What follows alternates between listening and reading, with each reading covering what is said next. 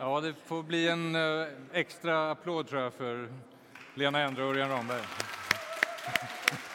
Härligt. Var ska vi sitta?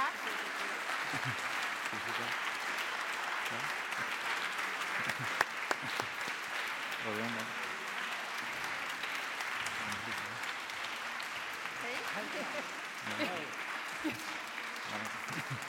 Alla fyra kommer upp med rödvin.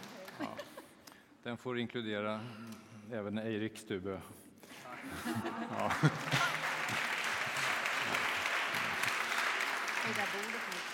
Medan Anneli Duva från Sveriges Radios kulturaktion, teaterkritiker och eh, välkänd programmakare på temana inom teater och litteratur. Hon har ju inte ni sett på scenen, dock har hon suttit i salongen ikväll. Precis som ni har gjort. Ja. Vi samlas här en halvtimme och jag kommer att eh, vara helt beredd på att ni som sitter här har frågor att ställa om O'Neill, om roller, om regi, om hur man spelar, hur man närmar sig Norén och O'Neill eller annat som ni kommer att tänka på. Och jag kommer att se er när ni, om ni vinkar. Men jag eh, betygar först min eh, vördsamhet inför min nuvarande teaterchef, då, Erik Stube, och ställer en fråga. Du har arbetat mycket med Norén och du har arbetat med O'Neill. Jag såg din uppsättning av Klaga månde Elektra. Vad är det för ja. någonting som tänder mellan de här två författarna? Ja, det är en bra fråga. Jag tror väl först och främst att O'Neill um, har betytt enormt mycket för uh, Lars Norén. Får jag bara fråga? Hur, Ja. det sit, nu sitter Eirik ganska skymd Det här. va? Vi tar bort bordet. Håll, i, Okej. håll i glaset så tar vi ner bordet. Ingenting. Sådär. Hej, hej! Det finns scenografi för sånt här också. Eh, nej, som sagt, jag tror att, att O'Neill eh, har betytt enormt för, eh, för Norén. Eh, han berättar ju om det också i vårt programblad som du har eh, organiserat, att han han upptäckte väl egentligen teatern genom O'Neill och radioversionen av Långdagsfärd mot natt som blev spelad in här faktiskt på scenen 56 och upptäckte att det var någon som skrev, som man säger, om min familj. Och han, han säger ju att de, de hade långdagsfärd mot natt där hemma i, i Skåne, i Genarp, var tredje månad eller vad det var. Eh, och pappan skulle hänga sig i flaggst- flaggstången eller, eller vad det var. Eh, så jag tror att Sverige ska vara väldigt glad för att eh, O'Neill eh, gav den här pjäsen till Dramaten. Nu var väl i och för sig O'Neill väldigt glad för att Sverige tog så väl emot honom. Ja. Han blev spelat här på 20 och 30-talet i, vad jag förstår, stora uppsättningar av Olof Molander och Alf Sjöberg. Och det var väl därför han gav pjäsen. Det här vet du mer om än mig, Magnus. Men... Det är ju en del av kontexten som också finns med i föreställningen att 14 av O'Neills pjäser gavs på Dramaten och många i uruppföranden, bland annat Klaga måndag Elektra. Det finns ju någonting när jag ser på er, Lena Endre och Örjan Ramberg, av O'Neill och eh, Norén i en väldigt speciell mix, om man får så, så, kan säga så. Örjan som gjorde fadern i Natten i dagens mor häromsistens, Lena som har spelat modern i Långdagsfärd mot natt. Man kan också tänka på ett Strindbergsspår där ni har gjort Dödsdansen båda två. Det börjar bli en väldig, väldig, eh, väldiga lager. Man åker hiss mellan de här personerna.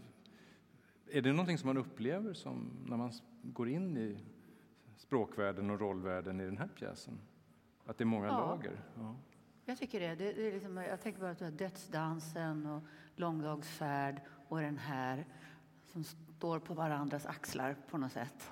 Som, ja, är väldigt kul att ha spelat det allihopa. Eller man har det med sig in i det här på något sätt. Eller du har ju också lyft det.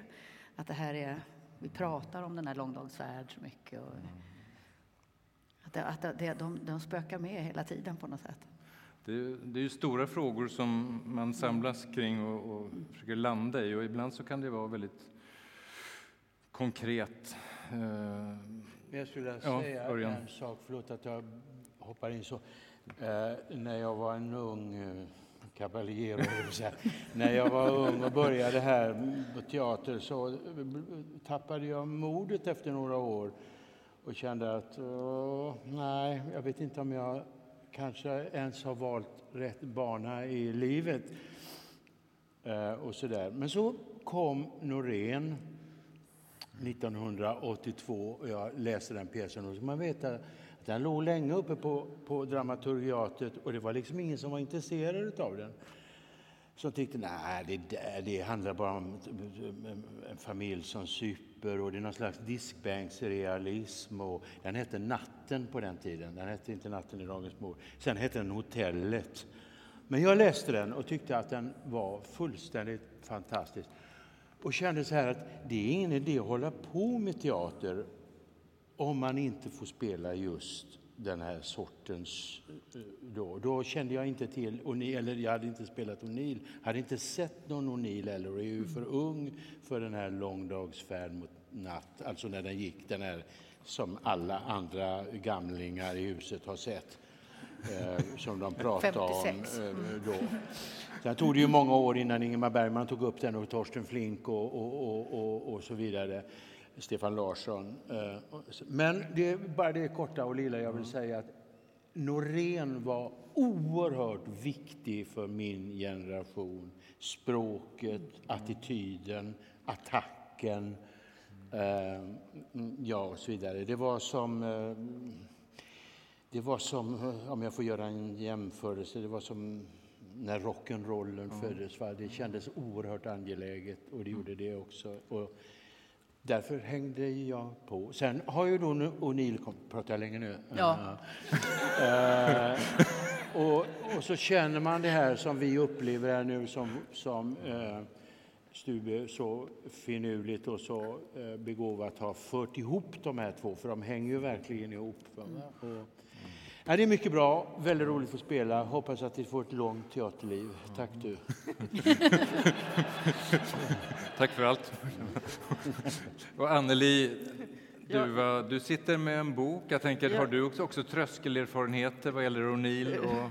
Ja, men det är, om, man, om man som jag har ägnat väldigt mycket tid åt att gå på teater, som man gör som teaterkritiker, och i Sverige, inte bara i Sverige, men mycket i Sverige, så är det klart att hela den här kedjan som ju faktiskt börjar, ja den går ju väldigt långt tillbaka, men den börjar ju konkret med Strindberg också eftersom O'Neill i sin tur var så oerhört influerad av Strindberg. Så det är någon sorts trestegsraket och inte bara det, för sen finns det ju i sin tur de som såklart är influerade av eh, av Norén efter honom så att säga, så det fortsätter ju detta. Och det är ju en teater, det finns ju så många saker man kan säga här, men det vet vi alla att det är en teatertradition som också präglar den svenska teatern oerhört mycket, den här vad vi nu ska kalla den för, psykologiska realismen. Där många svenska skådespelare också känner sig väldigt, väldigt hemma och trivs. Vilket ju är också är såklart en bidragande orsak till att det är eh, uppsättningar som ofta blir väldigt, väldigt bra. För att det är, man känner sig bekväm. Alltså det, är, det är naturligt. Det är, är någonting som, som man har gjort och som andra har gjort före en och eh, som man kan förstå. Men det är lite intressant här hur Eirik, hur, du har ju ändå jobbat, tycker jag, och försökt lite göra någonting som inte bara är psykologisk realism utan faktiskt öppna teaterrummet och jobba också visuellt och med musiken och allting som är, som är jätteroligt att se. Jag vill inte prata för mycket här heller, du får fråga om det är något speciellt.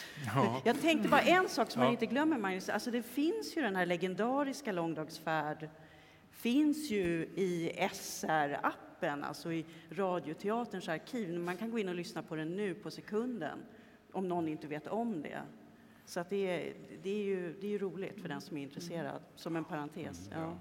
Både Örjan Ramberg och Lena Endre har mottagit O'Neill-stipendiet. Eh, Och det är ju teaterns främsta och skulle jag säga Sveriges främsta utmärkelse för framstående konstnärliga insatser på skådespeleriets område. Och att det är det. Det säger ju någonting om vad O'Neill betyder på Dramaten. Lilla scenen invigdes med en O'Neill-föreställning. Vi talar om en O'Neill-tradition. Men det kan ju också vara så att traditioner och vanor har två sidor. De kan vara frigörande och utvecklande, men de kan ju också låsa fast. Finns det, kan du se, du som kommer delvis Ja, utifrån ändå, kan du absolut. se de där två aspekterna i, vad gäller hur vi tänker på roller och skådespeleri i Dramatens tradition? Ja, alltså min, min, mitt möte med, med Lars Norén var ju egentligen att jag började regissera hans nyare pjäser. Ehm, varför vet jag inte. Det var väl... Jo, det var väl, jag gjorde flera urpremiärer eh, på, på nyskriven Norén. Och eh, sen fick jag en eh, möjligheten att göra eh, en av hans hotellpjäser, Stillheten. På 20 Stockholms stadsteater? På Stockholms stadsteater. Och eh, försökte då också arbeta, alltså ta det bästa från den här O'Neill Norén men också öppna upp pjäsen på ett annat sätt som påminde mer om den estetiska utveckling som, som Lars genomgick som nutidsdramatiker. Då.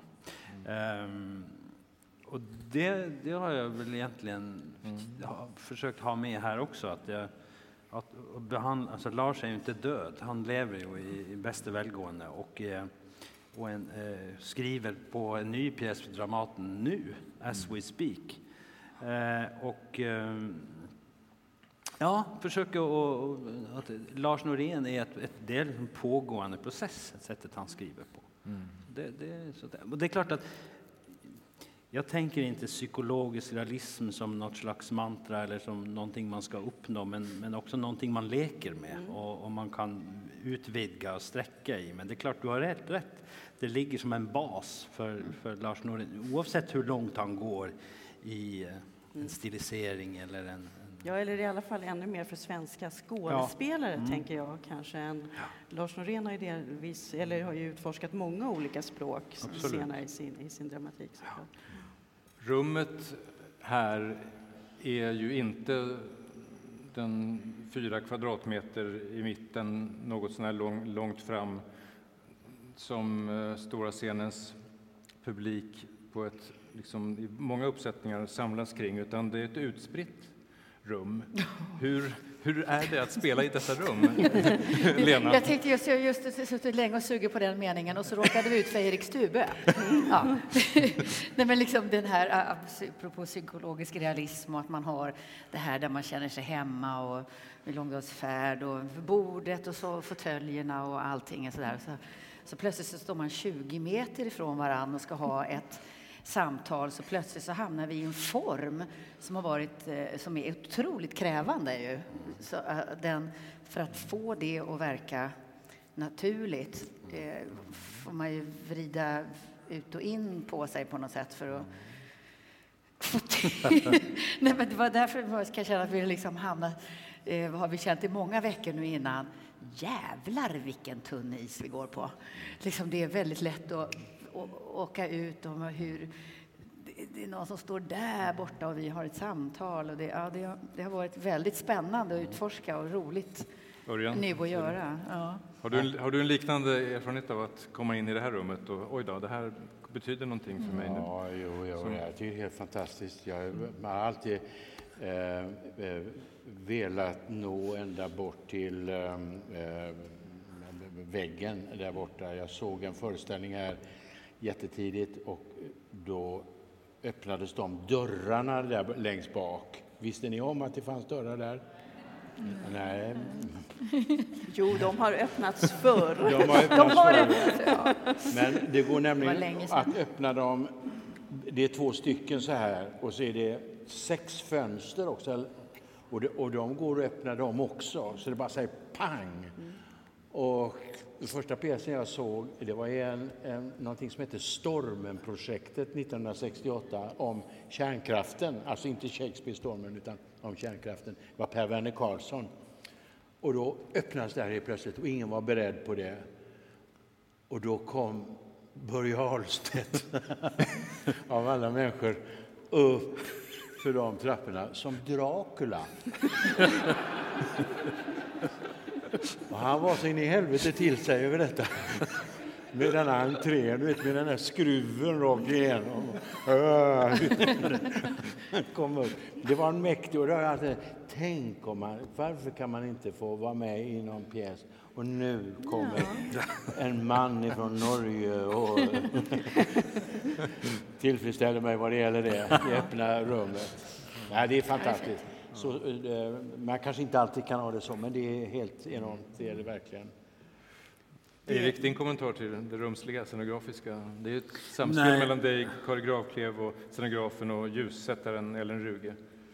Jag, jag tycker allt, eh, eh, jag har tyckt i, i många, många år att scenografi i traditionell bemärkelse eh, ofta griper in i pjäsen på ett sätt som jag inte eh, Ehm, tycker så mycket om. Eh, jag tycker om att skådespelarna kommer väldigt väl fram, att de inte gömmer sig, men men scenografi som ska berätta någonting utöver vad texten och skådespelarna redan berättar, det, det har jag svårt för. Men sen uppstår det ju någonting annat och här var det väl egentligen det att jag tyckte att det var magiskt, eller jag vet inte vilket ord jag ska använda, att den här pjäsen ekar i Noréns pjäs, alltså Långdagsfärd, och att man kan höra spökena här nere på stora scenen fortfarande, det tror jag på.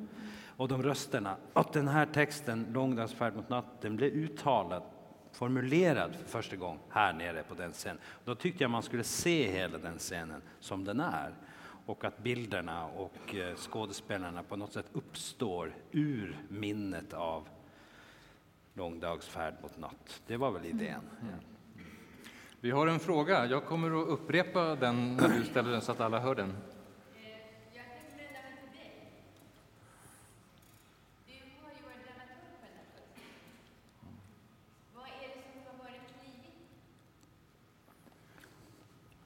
Alltså det, det, dramaturg kan man vara på olika sätt. Ehm, jag tycker att det har varit en... Jag ser det i hög grad utifrån då. Jag ser det att det har varit en väldigt snabb process. Att ni har varit eh, på få veckor på scenen och arbetat. Och att ni har arbetat under en för teatern förhållandevis ovanlig tid och haft premiär på en, vid en ovanlig tidpunkt. Ehm, och att det har, det, det, man upplever den, då, då är lite in, inifrån, som en väldigt organisk, fysisk, närmast rituell föreställning. Den, den känns på ett sätt kroppslig, själv, självklart kroppslig. Och lika fullt så är det ju ett resultat av tusen små praktiska, metodiska överväganden och tusen olika komponenter. Och det, det där tycker jag är... Det, det, har jag, inte- det är man sällan med om, ska jag säga. Men förlåt, men eh, du undrar om, om hur, hur texten, eh, alltså tänker du på att den är egentligen ganska mycket längre texten? Är det sådana saker du tänker på? Ja, man kan läsa boken. Textens den är, längd, ja. text, den är, jag tror att den skulle vara en fem sex timmar om vi skulle spela hela. Ja, det tror jag. Eh, sen är det självklart så att, att eh, vi har haft dialog med, med Lars Norén och, och han har sagt gör vad ni vill med texten. Och att han också erkänner att den är för lång, som den är. Eh, sen är det väl så att, att textens dramaturgi, eh, strykningar, kortningar, att de blir till också utifrån en bild av hur man ser att föreställningen ska bli. Dens bildspråk, hur man, vad man vill väktlägga. Så det är inte så att man kortar ner texten och sen börjar man arbeta. Det, allt det här hänger ju ihop. Och vi ska ju säga att det är Erik Stube som svarar för den bearbetning, det spelmanuskript som, som vi har. Jag vet inte om ni såg Långdagsfärd mot natt, eh, Ing- Ingmar Bergmans uppsättning? Många, det, det var ju en ganska kort färd. Det var, det var, slut, slutakten var väl mest intakt, men sen var det väldigt kort. Och det blev en ganska speciell upplevelse. Han, han var väldigt otålig, tror jag. Han ville dit till slut, slutakten. Men här, här tycker jag ni har, eh, får intryck av att ni har arbetat väldigt sensitivt i förhållande till vad måste vara där för att det ska, urverket ska fungera. Här på. Man kan inte korta ner sig. Men det rumsliga är jag nyfiken på, Anneli. Om du skulle nu berätta för en publik av radiolyssnare om det rumsliga, vad skulle du säga? Ja, men då, det har vi ju redan sagt här och ni har ju sett så det verkar lite fånigt men, att upprepa. Men, men jag menar att det såklart är det här avteckna, avtäckta öppna rummet. Det jag tycker är häftigt är ju att det som händer är ju när man öppnar rummet och här medvetet också med filmen och musiken och allting så är det att då släpper man ju in världen istället i den här så att det blir inte just den här begränsningen till bara familjen utan det här är ju verkligen familjen i sin tid och i den här platsen. New York blir väldigt påtagligt fast det är på avstånd.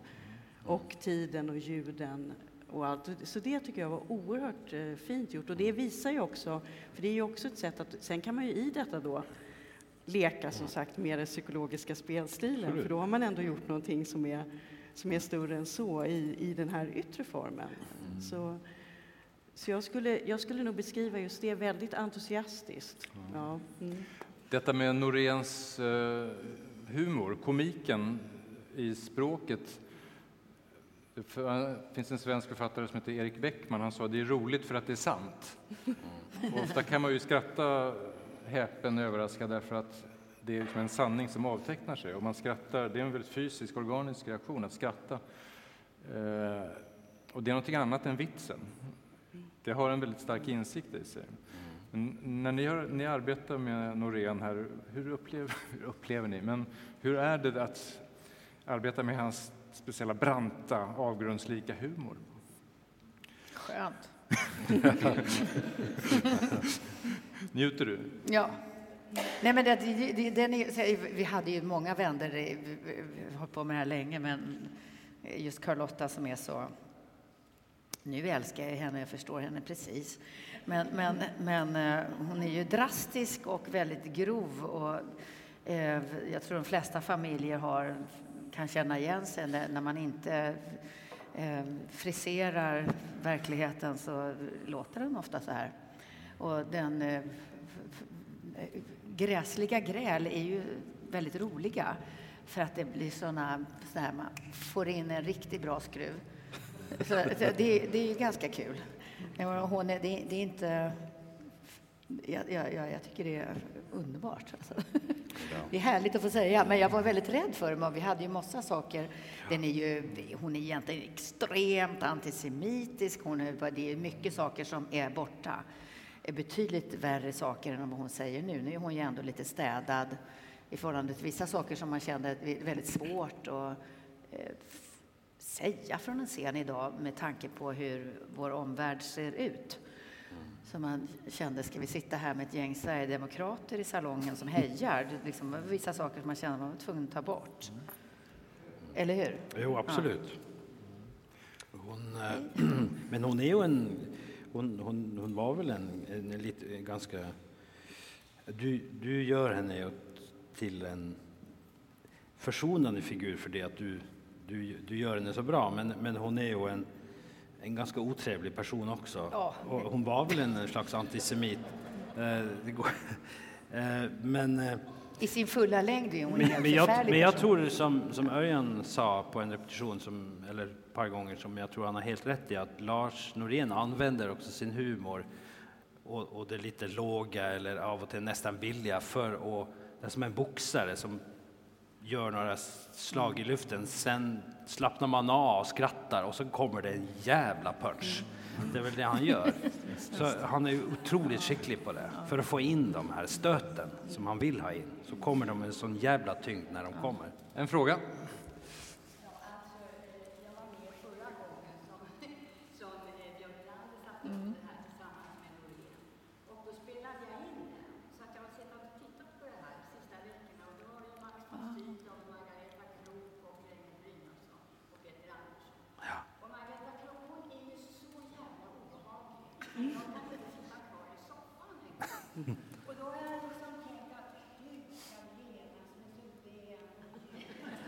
ben och djur. Du har ingen aning. Vad säger du? Som bitch.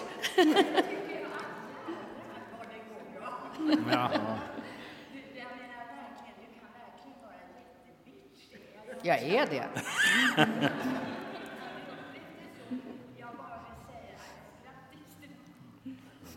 Ni verkar ha hört eh, frågan, men det återkallade oss till 1991 med eh, den första uppförandet på Dramaten, som dock inte var uruppförandet, för det kom några veckor tidigare på den norska teatret i Oslo. Och då hette pjäsen En natt längre än livet. Ja, Ja, fråga. Osvenskt. Ja, det är norskt. amerikansk. Ja.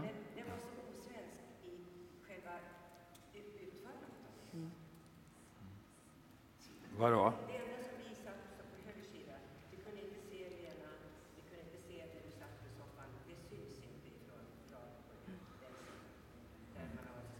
Vi vet, vi skiter i det. Mm. Mm.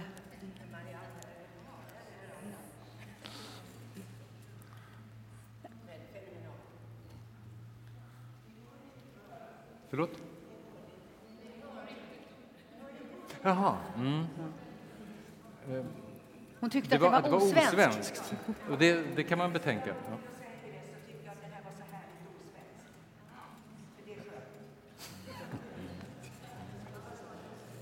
Men norsk, Amer- det är det. Jag skulle vilja ställa en fråga till er då. Vad tycker ni om mikrofonerna? För det är ju en sån sak som vi har fått höra, eller i alla fall när vi började, absolut inte mikrofoner på Dramaten.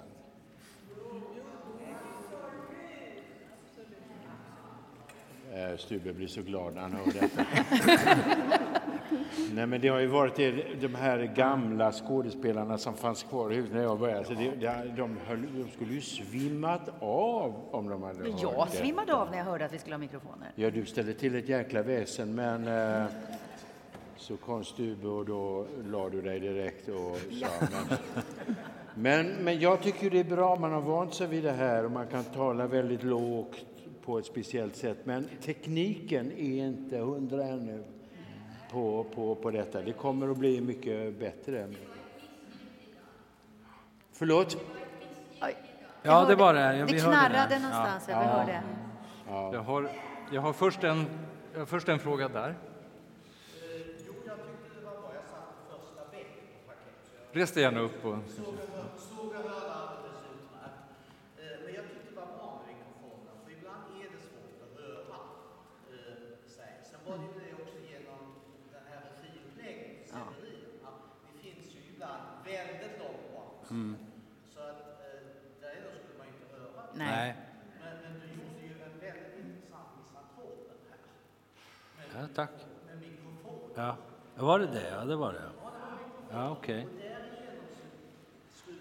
spelstilen ner. Det var väldigt spännande. Och det hade inte kunnat spelas på det sättet om det inte hade varit Nej, lyckat. det är sant. Ja. kan vi, jag ska låta frågan gå vidare här, men kan vi inte stanna en liten, ett litet ögonblick vid detta med mikrofoner? För att som, som jag har, när du gjorde Misantropen så eh, talar du om detta och tanken är då inte att mikrofonerna i huvudsak är ett eh, hjälpmedel så att man ska höra bättre, utan det är ett, eh, ett estetiskt verktyg. Det skapar ett, ett, ett visst uttryck.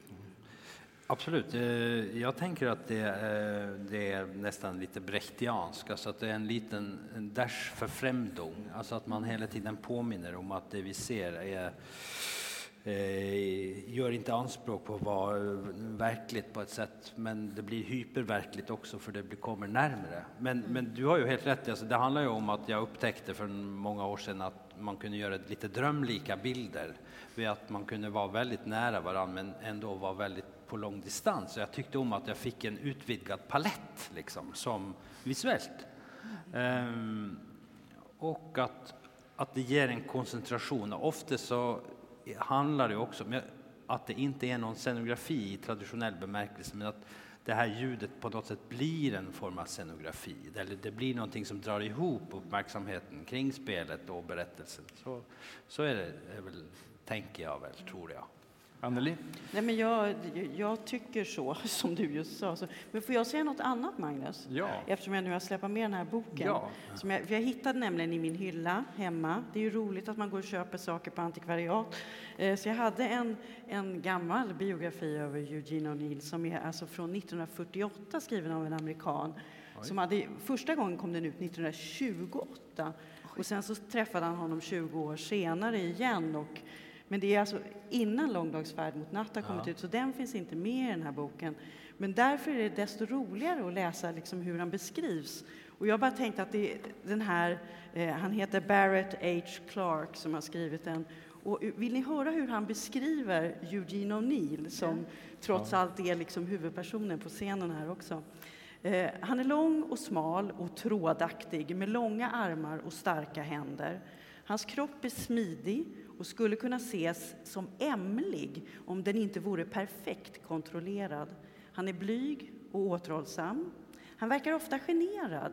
Om han inte diskuterar något som intresserar honom så talar han fåordigt eller inte alls. Hans tystnader är långa och uttrycksfulla.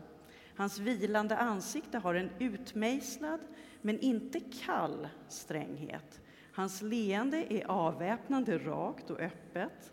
Det finns något nästan okynnigt över hans lågmälda kommentarer som tenderar att färgas av en bitsk ton som mer är ett sätt, eh, sätt att tala än ett uttryck för en åsikt. Med den vanliga konversationens artigheter har han inget tålamod, ändå skulle ingen kalla honom oartig. Det som intresserar och väcker hans sympati och fantasi tar alla hans sinnen i anspråk. Det som inte gör det passerar helt obemärkt. Det är alltså jag som har översatt det här i all hast så att ni får Ja, det är fint. Så. Det är precis Ja, ja.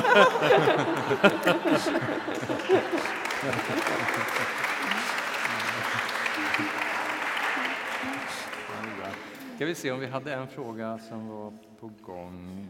Ja. Det får bli den sista. Detta är avslutningsfrågan.